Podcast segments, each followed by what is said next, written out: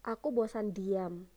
Aku ingin berteriak lantang, menembus segenap celah dan semua lubang, merasuk ke ujung gendang telinga semua orang.